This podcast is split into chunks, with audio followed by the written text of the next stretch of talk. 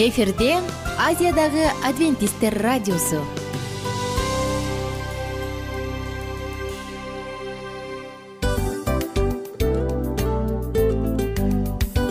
Достор салют. Баардык сүйүктүү угармандарыбызга салам айтабыз. Кутман күнүңүздөр менен. Ден соолук өмүрдүн булагы демекчи саламат саамы программасында баарыңыздарды көргөнүбүзгө абдан кубанычтабыз. Анда алгач амандашып өтөлү арбаңыздар деп. Ден соолугуңуздар кандай элибизде көбүнчө ден соолук кандай дегенде эле жакшы деп жооп беребиз э? ооруп турсак дагы жакшы дейбиз анан мен муну айтып ойлойт элем бул абдан сонун сөз депчи анткени бул жакшы деген үмүт да э баары жакшы болот баары сонун. Деп үмүттөнүп атып эле өзүбүздү өзүбүз дарылап коебуз. Анысы кандай? Сиздин дагы ден соолугуңуз жакшы беш деген үмүттөбүз чындыгында ден соолук бул өмүрдүн булагы деп бекеринен айтылган эмес деп ойлойм. Кыргыз элинде. Анткени эгерде ден соолук жок болсо анда адамдын жашоосунда калган баардык керектүү маңыздуу нерселер өзүнүн баалуулугун жоготуп коет. Ошондуктан ден соолук бул эң керектүү нерсе. Ооба туура айтасың кесиптешим. Чынында ден соолугуң жок бир эки үч күн ооруп калсаң эле кандай болуп калат? Жашоодо көз каранды болуп каласың көп нерсеге жетишпей каласың көп нерсени кыла албай каласың жада калса эшикке дүкөнгө да чыга албай каласың. Туп туура анан ден соолук болсо демек биз биздин бактыбыз тотой деп койсок болот. Анда достор саламат рубрикабызды баштайлы алдыда өзүңүзгө керектүү болгон сонун кеңештерди уга аласыздар. Мына ошондуктан биз менен бирге болуңуздар. Ал эми биз болсо милан жана айнура. Кеттик алга. Алга саламат саама ден соолуктун жарчысы. Саламат саама ден соолуктун ачкычы. Күн сайын сиз үчүн мыкты кеңештер сонун жаңылыктар кызыктуу фактылар биздин рубрикада.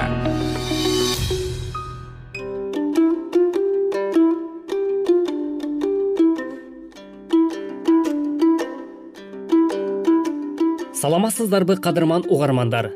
Саламаттыкты сактоого күч кубат токтоого ооруп калуу коркунучун жана тамакка акча сарптоону төмөндөтүүгө жардам бере турган адам каалашынча жеп жана ошол эле учурда ачкачылыкты сезбей салмагын таштоого мүмкүндүк берүүчү мүмкүндүк берүүчү диета жана жашоо образы керек турбайбы.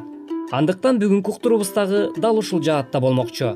Биздин толкундан алыстабай биздин ободо биз менен бирге болуңуздар бирок ал мүмкүн эместей көрүнөт. Бирок толугу менен мүмкүн.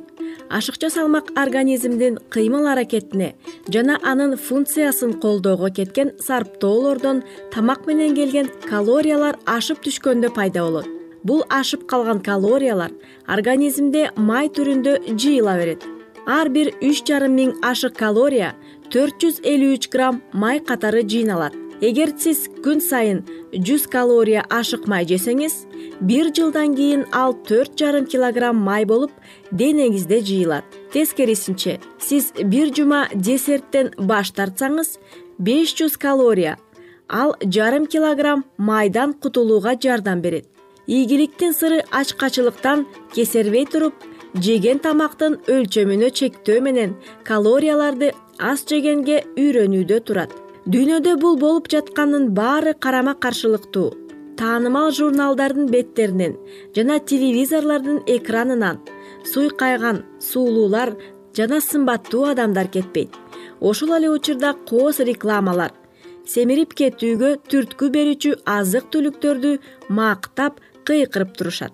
Азыркы кездеги тамак аш технологиясы арзан калориялуу өлчөмү кичине калорияларга калориялык бомбаларга айланып жиберди. Азыр бир нече болор болбос мезгилсиз тамак менен дасторкондон жечү бүтүндөй бир күндүк жечү калориянын биз бир түштөнүүдө кабыл алып коюуга болот.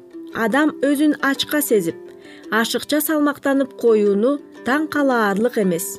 Технологиялык кайра иштетүүнүн натыйжасында клетчатканы көлөмдүү аш болумдуу азыктарды жок кылып алардын ордуна бир килограмм кант алышат. Канттын аш болуму жок. Бош калорияларды алкогольсуз суусундуктарга керектөөгө даяр. Дан азыктарды кондитердик азык түлүктөргө бал муздакта вареньелерге халваларга конфеттерде бар. Азыркы учурда батыш өлкөлөрүндө жыйырма бир пайыз суткалык калориялуулугу канттын жана башка тазаланган азык түлүктөрдүн эсебинен камсыз болот. Таттуу азыктардын керектөөсү баанын өсүп жатканына жана башка азык түлүктөрүнө чектелгендигине карабай абдан кеңири таралган же өсүмдүк майларын жана малдын майын алалы. Мисалы өтө чоң көлөмдүү жүгөрүдөн өтө көп калорияны жешке мүмкүн эмес. Азыркы кездеги технология жүгөрүнүн он төрт сотосунан бир көз ирмемде жутуп коюучу жүз он калорияны камтыган бир чоң кашык жүгөрү майын алат адамдардын күнүмдүк тамагынын калориясынын жыйырма пайызы ошол эле ыкма менен алынган башка майлар камсыз кылат. Дүйнө жүзү боюнча өсүмдүк жана малдын майын кеңири керектөө уланып келе жатат. Клетчаткалардан жана азык заттардан ажыраган ажырагандан алкогольго айланышы мүмкүн анын тогуз проценти бош калориясы. Көпчүлүгүбүздүн бир күндүк рационунда камтылган. Азыркы өнүккөн өлкөлөрдөгү азыркы тамак аштын элүү пайызынын көбү технологиялык жактан кайра иштетилген. Жашоого зарыл керек. Аш болумдуу заттардан жана баалуу клетчаткалардан ажыраган. Азык түлүктөр түзгөндүгүн көрөбүз. Бул семирип кетүүнүн чыныгы жолу анда биз саламаттыкты азайтуу үчүн эмне кылышыбыз керек? Эгер сиз тамакка жакын болсоңуз бирок салама бирок салмагыңызды азайткыңыз келсе жаш бууга бышырылган жашылчаларды жеңиз. Жана салаттын татымдарынан азайтыңыз. Тамыры жемиш өсүмдүктөрдү буурчакты жана картошка аш кабак төө бурчак жана жашылчалардын баардык түрлөрүн кеңири пайдалансаңыз болот жана жаш жемиштерди табигый түрдө жеңиз. Кезек тартылган ундан жасалган азыктарды тазартылбаган күрүчтү нактадандан тартылган талканды тазаланган технологиялык жактан кайра иштетилген жана концентрацияланган азык түлүктөрдү аз жеңиз. Аларда калория өтө көп баасы кымбат ал эми аш болумдуу заттар жана клетчаткага аз келишет. Жана жаңгактарды этти жана майлуу сүт азыктары. Албетте алар абдан ток көлөмдөрү кичине клетчатка жок бирок май менен калорияга бай. Мисалы эт менен сырда алтымыштан сексен пайызга чейин май бар. Силердин ден соолугуңар үчүн дагы бир нече пайдалуу кеңештер. Биринчиден сууну көп ичиңиз. Күнүгө алты сегиз стакан суу. Чөп чайларды минерал сууларын жана жөнөкөй эле таза сууну ичиңиз сүйүктүү лимонаддарыңарды өзгөчө бир салттуу учурга сактагыла. Күн сайын тез тез баскыла. Алсыздыктардан алыс болуу керек. Эгер бир печеньенин артынан бир нечесин жегиңиз келсе анда бирөөнү да жебей эле койгонуңуз жакшы. Эгер зериксеңиз жалгызсырасаңыз же көңүлүңүз жайында болбосо сейилге чыгыңыз. Бир чыны суу ичиңиз. Же табигый заттарды жеңиз бирок сезонго жараша. Мисалы алма мисалга алмурут. Бул жемиш ашыкча салмактан арылтуудагы эң мыкты жардамчы. Клетчатканын көптүгү жагынан көп жемиштер алмуруттан артта калат. Ошондой эле алмурут ачкалыкты сездирбегендиктен аз тамак жеп натыйжада ашыкча салмагыңыздан арылууга мүмкүнчүлүк түзөт. Карагат жакында техас аялдар университетинде караган карагаттын май клеткалары менен эң сонун күрөшүүнү изилдеп чыгышты. Мыкты антиоксидант экенин буга чейин эле белгилүү болчу. Андыктан ден соолугуңуздун чын болуп келбетиңиздин келишимдүү болушун кааласаңыз мүмкүн болушунча карагатты көбүрөөк жеңиз. Анда эмесе урматтуу радио көгөрмандар ушуну менен бизге бөлүнгөн убакыт дагы өз соңуна келип жетти. Кийинки эфирде сиздер менен амандашканча сак саламатта болуңуздар.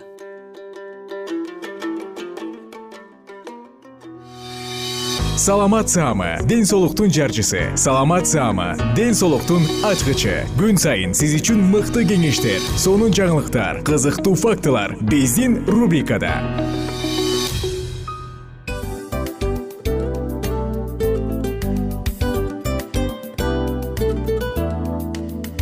салам достор. Ачуу душман акыл дос. Акылыңа акыл кош демекчи биздин дил маек рубрикасына кош келиңиздер. Дил маек программасында ар кандай темаларды козгойбуз? Балдарды өстүрүү аларды тарбиялоо кантип балдарды бактылуу кыла алабыз? Жана кыз жигит ортосундагы мамилелер кыз жигит ортосуна кантип нукура таза сүйүүгө жетсе болот? Бактылуу үй бүлө куруунун кеңештери ар кандай сырлары жеке өсүү жана ар кандай кызыктуу чыгармачыл программаларга арналган рубрикабызга кош келиңиздер. Эмне үчүн дил маек? Анткени дил маек эки адамдын баарлашуусу сырдашуусу. Сизди да биз менен сырдашууга чакырабыз. Анда эмесе кийинки он мүнөттүк убакытта сиздер менен чын жүрөктөн сырдашып баарлашабыз. Даяр болсоңуздар анда кеттик ар түрдүү ардактуу кесип ээлеринен. Алтын сөздөр жүрөк ачышкан сыр чачышкан сонун маек. Дил маек рубрикасында.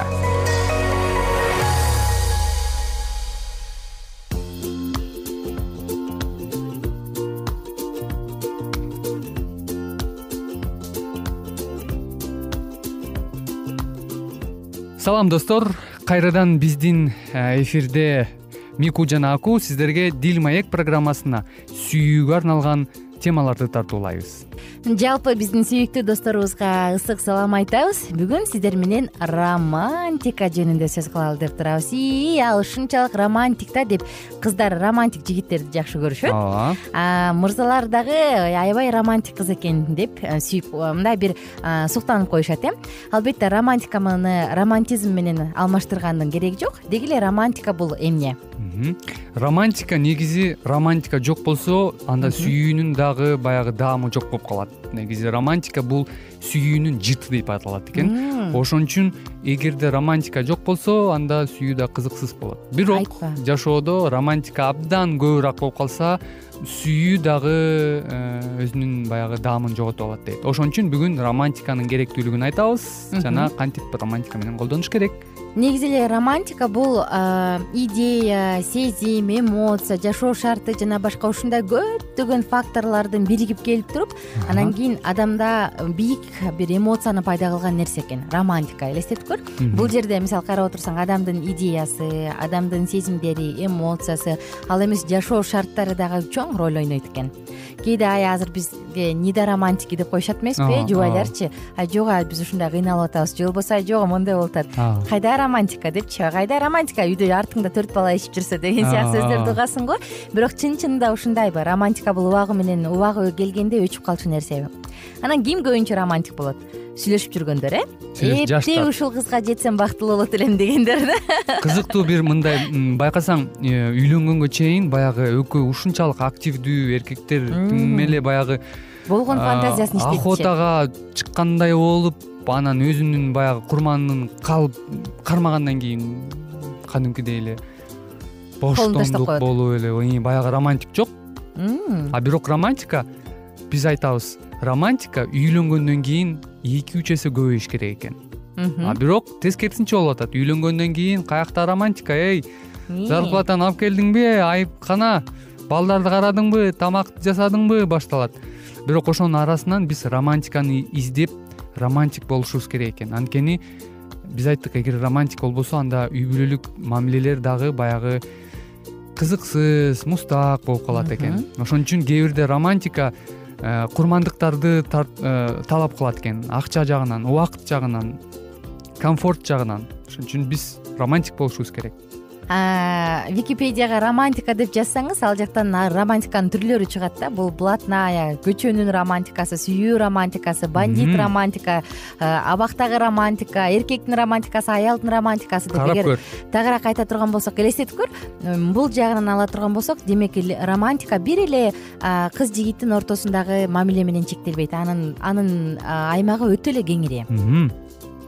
Романтика бул чындыгында бул дүнүйөнү башкача көз караш менен караганга жардам берет экен. Ар бир ситуацияны ар бир кырдаалды мамилени э, жашоого негизи эле көптөгөн баягы кызыксыз э, турмуштун нерселерине башкача жарыгыраак ачыгыраак мындай кызыктуураак караганга жардам берет экен. Ошон үчүн бизге романтика абдан керек. Бирок кээ бир адамдарда албетте аябай эле романтик болот а кээ бир адамдар романтик эмес муздак болот муздак болот бир калыпта эле жүрө берет э же эмоциясын чыгарбайт кээде баягы сүйгөнүн же сүйбөгөнүн айтпайт кээде жүрүп бир жака барып келебиз же ойноюн же баягы ойнок болот го негизи кээ бир адамдар. бир тамашалашайын десе эле муздак бир калыпта былк этпей жүрө берсе мындай жашоо бат эле сууз көрүнүп калат дагы батташата баштайт. Чындыгында эле көбүнчө баягы аялдар романтик деген менен менимче мырзалар деле романтик болсо керек. Кошуласызбы мага менимче тескерисинче окшойт. Эркектер көбүнчө романтик эмес беле ошондой деп ойлойсуңбу мен мен көбүнчө ойлойм да аял заты көбүрөөк романтик. Деп анткени биз көңүл бурууну көбүрөөк талап кылып келет эмеспизби? Анан ошондуктан мен ушинтип ойлойм да ким билет балким угармандардын ою башкачадыр анан кайдагы кайдагы сүйүү деген ыр бар го анан бир нече жылдар өткөндөн кийин романтика өчүп калат. Чын чынында романтика бул эмне? Бул адамдын ортосундагы мамилени бекемдөөчү бир сонун жип бир адам айткан да мындай деп. Романтика бул көзгө көрүнбөгөн бирок улуу абдан жашыруун сыр деп. Эгерде ошол сырды адам билип алса андан ал ар бир тамчысын тамызган сайын мамиле бекемдеп турат дейт да. Элестеткүл бул ушундай бир улуу сыр дейт. Ал сен аны көзүң менен көрө албайсың сөз менен айтып жеткире албайсың бирок ал бир сыр дейт. Бирок аны жүрөгүң менен сезет экенсиң анан ошол сезим сенин жолдошуң же жубайың менен ортодогу мамилени бекемдеп турат экен. Кээде жөн гана романтика деген эмне? Сөзсүз эле күнүгө эртең кечинде аны жолугушууга чакырып кафеге киргизүүгө мүмкүнчүлүк жок болуп калышы мүмкүн э ал эмес. Күндө эле белек берип тим эле башынан ыйылдый алтын куяйын десең мүмкүнчүлүк жок болушу мүмкүн ал эмес.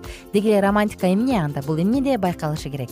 Эгерде сиздер романтика бул акча каражатка байланыштуу деп ойлосоңуздар анда бул чоң жаңылыш анткени романтик болууга эч кандай жада калса каражаттар деле талап кылынбайт. Романтика өзү иш жүзүндө иш иштер менен көрсөтүлгөн нерсе. Бир романтиканы биз айтып атпайбызбы бул адаттагыдай болгон нерселерди башкача кылып көрсөтүү башкача нерселерге көңүл буруу сөздөр менен ар кандай кырдаалдар менен ар кандай мүмкүнчүлүктөр менен ошондой кызыктуу кылып мындай жарык кылып көрсөтүү. Ошон үчүн романтикага биз болгону гана фантазиябызды кошушубуз керек. Жана каалообузду.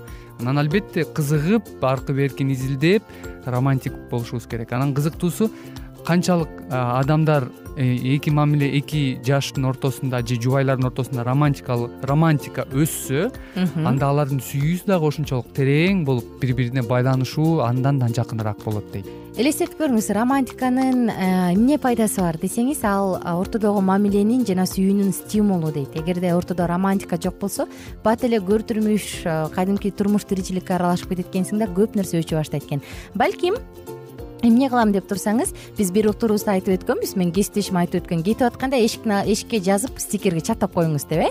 Мисалы жылуу сөздөр. Же болбосо жумушта отурганда келинчегиңиздин телефонун териңиз дагы ага чалып алтыным мен сени сагындым. Же болбосо дагы бир жылуу сөздөрүңүздү айтып коюңуз. Ооба. Кечээ мен бир китеп окуп баштадым анан башта ошо кириш сөзү аябай жакты да. Анан ал жакта айтат экөө элүү жыл жашаганы менен ал келинчегин биринчи күндөгүдөй сүйчү дейт да. Китептин башталышычы анан мага кызык болуп калды бул эмне экен? деп. Анан анткени келинчеги менен экөөнүн ортосунда ушундай бир романтика бар экен. Аны балдары деле сырттан байкабайт экен бирок келинчегинин ар бир басканынан анын көз карашынан жолдошунун ар бир сөзүнөн экөө эмнени каалап жатканын экөө кайсы жака баргысы келип атканын билип сезип коюшу экен да. Анан эч кимге айтпай эле ошол экөө ошо жагына барып турчу экен да элестет кызыктуу. Анан айтат экөөбүздүн бири бирибизди ушунчалык сезгендигибиз дейт. Бизге ушундай бир башкача жагдайды берчү дейт. Анан экөө тең укмуш сонун романтик экен анын аягын окуп бүткөндө айтып берем. Окуп бүткөндөн кийин мага алып келчи мен окуйн романтикадан кичине толоюн мен дагы өзүмдүн жагыман бир э, өз көзүм менен көргөн кызыктуу бир окуяны айтып бергим келет. Эки эки жубай экөө тең алтымыш жашта бирок экөөнүн тең жашоосу ушунчалык романтикага толгон күйөөсү аялына эч качан идиш жуудурбайт экен. Э?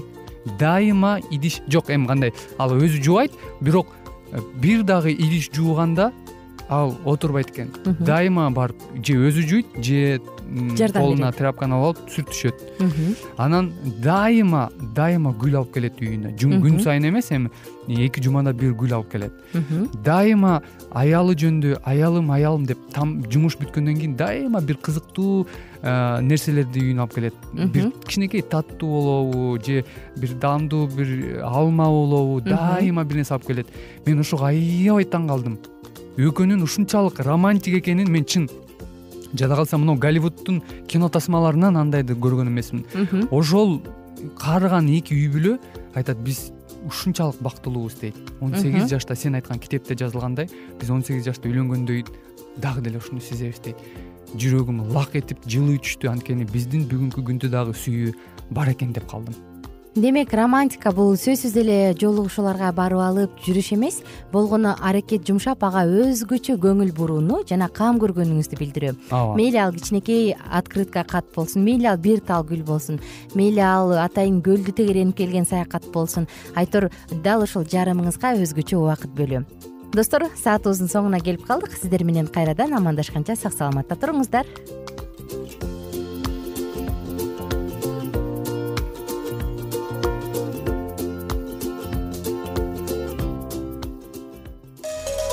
ар түрдүү ардактуу кесип ээлеринен алтын сөздөр жүрөк ачышкан сыр чачышкан сонун маек дил маек рубрикасында.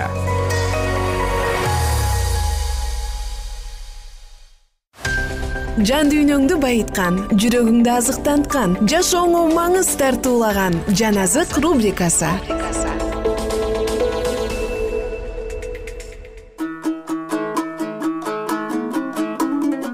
кутмандуу күнүңүздөр менен айымдар жана мырзалар жалпыңыздарга ысык салам. Биз сиздер менен улуу күрөш китебин улантабыз. Ырайымдуу мырзалар мен силердин падышаңар экендигим анык деди ал. Жана менин колумда же бутумда бул жугуштуу оору жабышып пайда боло турган болсо мен аны силерге кесип ташта деп айта тургандыгым дагы чындык. Андан тышкары бул каргыш алып келе турган окутуу менен менин балдарым дагы ооруп кала турган болсо анда мен аларды дагы аямак эмесмин.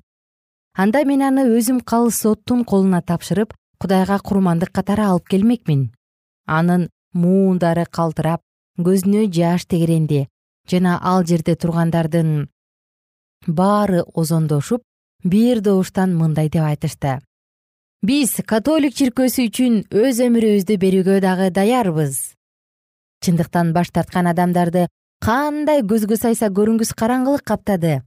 Францияга куткаруучу ырайым келип көрүнгөн. Адамдар миңдеген адамдар кудайга кайрылган жана кудайдын жетекчилигине жакындыктан анын күчүн жана анын касиетин көрүшкөн. Шаарларда болгондой эле айыл кыштактарда дагы анын жарыгы жаркырап турган. Чындыкты көрүшүп жана анын баш тартышты. Жарыктын ордуна караңгылыкты кабыл алышты асман аркылуу сунушталган белекти алардын кабыл алгылары келишкен жок. Алар өздөрүн алдоонун курмандыгы кылганга чейин жакшыны жаман дешип жамандыкты жакшы дешкен. Жана алар кудайдын элин кубалап ошону менен кудайга кызмат кылып жатабыз деп ойлошкон. Бирок бул нерселер алардын үстүндөгү айыпты алып таштаган жок. Алар аны адашуудан жана кан төгүүдөн кармап сактап кала турган жарыктан жек көрүү менен баш тартышты. Жалган окутууну түп тамырынан бери жок кылыш жөнүндөгү салтанаттуу ант үч жүз жыл убакыт өткөндөн кийин тирүү кудайды унутушуп өз акылдарын кудай кылышкан адамдар аркылуу собордогу кафедрадан жаңырган. Бул болуп өткөн жүрүштөн кийин дагы париждин көчөлөрүндө францияны чагылдырган адамдардын жүрүшү башталып ант берген иштерин аткарууга киришкен протестанттарды өрттөш үчүн бирин бирине жакын курулган секилчелер тургузулган. Бул тирүү от жалындары падыша жакындаган мезгилде жалбырттап жануусу керек эле. Жана алардын кыйналгандыгын көрүш үчүн жүрүп бара жаткан жүрүштүн катышуучулары уламдан улап токтоп турушту. Ыйса машаяктын күбөлөрүнүн тарткан азаптарын жүрөк зырылдатпай айтуу мүмкүн эмес. Бир гана нерсе айта алабыз. Алар өз өмүрлөрүн кичине дагы күнөөн саноосуз жана солкулдабастан өлүмгө тапшырып беришкен. Качан бир протестантты өз ишенимиңден баш тарт деп аракеттенишкенде ал минтип айткан. Мен бир гана пайгамбарлар жана элчилер насааттаган нерселерге ишенем. Жана бардык касиеттүүлөр ушуга ишенип келишкен. Жана мен тозоктун бардык күчүн жеңе ала турган теңириге гана ишенем. Кайра кайра бара жаткан жүрүш кыйналган адамдардын жанында токтошуп турушту. Акыры падышанын ак сарайына жакындаганда адамдар өз үйлөрүнө тарашып ал эми падыша жана прилаттар болсо бул күнкү окуянын иштерине ыраазы болушуп жалгон окутууну жок кылуучу иштин ушунчалык ийгиликтүү башталгандыгына кубанышып бирин бири куттукташты. Франция аркылуу четке кагылган тынчтыктын жакшы кабары көп узабастан түп тамырынан кысылып алынып ташталды бул иштердин акыры үрөйдү учурлаарлык болду. Бир миң жети жүз токсон үчүнчү жылы жыйырма биринчи январда франция протестанттарды жок кылууга ант бергенден эки жүз элүү сегиз жыл убакыт өткөндөн кийин париждин көчөлөрүндө башка максат менен бөлөк жүрүш кетип бара жатты.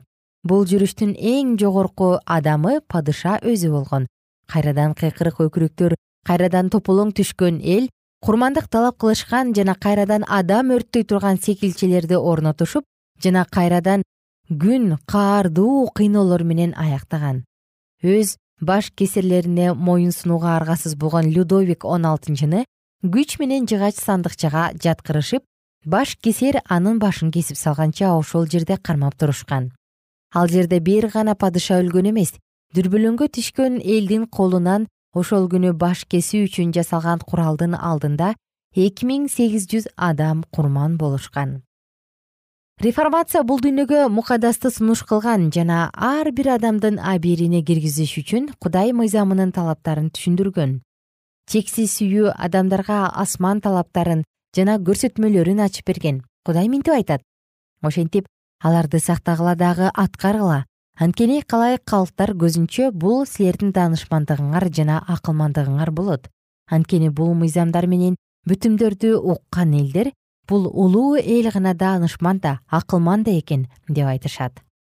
Качан франция асмандан жиберилген белекти кабыл алышпай койгондо ал өзүнө революция жана зомбулук алып келген ээн баштыктын жана бүлгүндүктүн үрөөндөрүн сээп салган. Уюмду айыптаган плакаттардын жана куугунтуктоолордун пайда болуусунан алда канча мурун кайраттуу форель өз ата мекенинен качып кетүүгө туура келген. Ал швейцарияга качып барып ал жерде цвинглиге жардам берип реформацияга коомчулуктун дитин бурууга үлгүргөн. Ал өмүрүнүн аягына чейин швейцарияда калган болсо дагы франциядагы реформацияга өз таасирин калтырууну улантып турган. Куугунтукталгандыктын алгачкы жылдарында ал жакшы кабардын өз элине тартатуусу жөнүндө камкордук көрдү. Ал чек арадан анчалык алыс эмес жерлерде жашаган өз боордошторуна жакшы кабар таратып болуп жаткан күрөшкө назарын салган жана аларга кубаттандыруучу сөз жана кеңештери менен жардам берип турган. Башка бир куугунтукталган адамдар аркылуу немец реформаторлорунун кол жазмалары француз тилдерине которулду. Мукадас менен бирдикте ал кол жазмалар дагы француз тилинде көп сандаган тираждар менен басылып жатты. Бул китептер түгөл францияга таратылып аларды китеп тараткандарга төмөнкү баада беришип алардан түшкөн каражаттарды өз ишин улантыш үчүн китеп бастырганга беришкен. Ардактуу достор сиздер менен бүгүн дагы улуу күрөш китебинен кызыктуу бир үзүндү окуп өттүк. Бул тарыхтын уландысы кандай болгон? Деги эле кудайдын элинин келечеги кандай болгон? Кийинки уктурууда биз менен бирге тыңдаңыз мына ушинтип убакыт дагы тез өтүп кетет экен. Биз дагы радио уктуруубуздун аягына келип жеттик. Келип кубандырдыңар эми кетип кубандыргыла деп тамашалап калышат эмеспи анысы кандай? Радио баракчабызды программабызды азыр эле баштап аткандай болдук элек. Мына соңуна келдик э? Негизи убакыт э, билинбей өтүп кетет экен? Мен дагы э, убакыт дегенде бүгүн бир адам менен сүйлөшүп калдым. Анан убакыт бул мүмкүнчүлүк деп айтып өзүмө өзүм айтып алып анан мага өзүмө эле кайра ачылыш болду да чын эле. Э, карап отурсаң ошол эле жыйырма төрт саат ошол эле жарым саат кайталанып атат бирок сендеги мүмкүнчүлүк жок ошол кой берилип кетти? Анысы кандай? Бүгүнкү сонун убактыңызды алтындай болгон жарым саатыңызды бизге бөлүп арнаганыңыз үчүн ыраазычылык айтабыз анан жашооңуздун кайсы бир сферасын өзгөртө турган сонун пайдалуу кеңеш алган болсоңуз анда биз максатыбызга жеттик. Анан ушул нерсени кылбасам десеңиз ошол өзгөрүүлөрдү кичинекей кадамдардан баштап иш жүзүнө ашырыңыз дагы жашооңузда чоң чоң ийгиликтерге жетиңиздер. Чын жүрөктөн ар бир берилген кеңештер сөздөр сиздерге пайдасын алып келет деп ишенебиз. Жана кийинки уктурууларда сөзсүз түрдө чыдамсыздык менен сиздерди күтөбүз сагынычтуу салам айтып кайрадан дал ушул жыштыктан баардыгыңыздарды тосуп алганча кызматта мен айнура жана кесиптешим милан. Анда кол пулга алайбыз жалпыңыздарга ийгиликтүү күн. Саламатта калыңыздар